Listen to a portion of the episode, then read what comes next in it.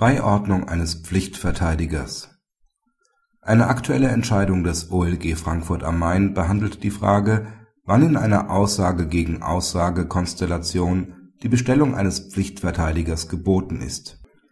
Die Beiordnung eines Pflichtverteidigers nach § 140 Absatz 2 StPO kann auch bei einer schwierigen Beweislage geboten sein.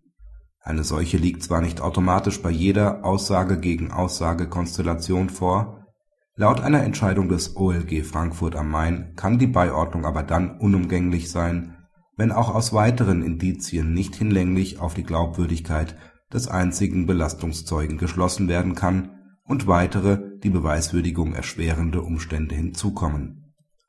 Solche Umstände können, wie etwa hier im entschiedenen Fall, widersprüchliche Angaben des Belastungszeugen sein.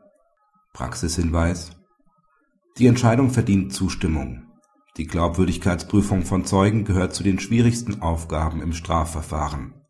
In einem solchen Fall ist eine sachgerechte Verteidigung nur mit Kenntnis des gesamten Akteninhalts möglich, der aber auch nach Neufassung des § 147 StPO nur dem Verteidiger vollständig zugänglich ist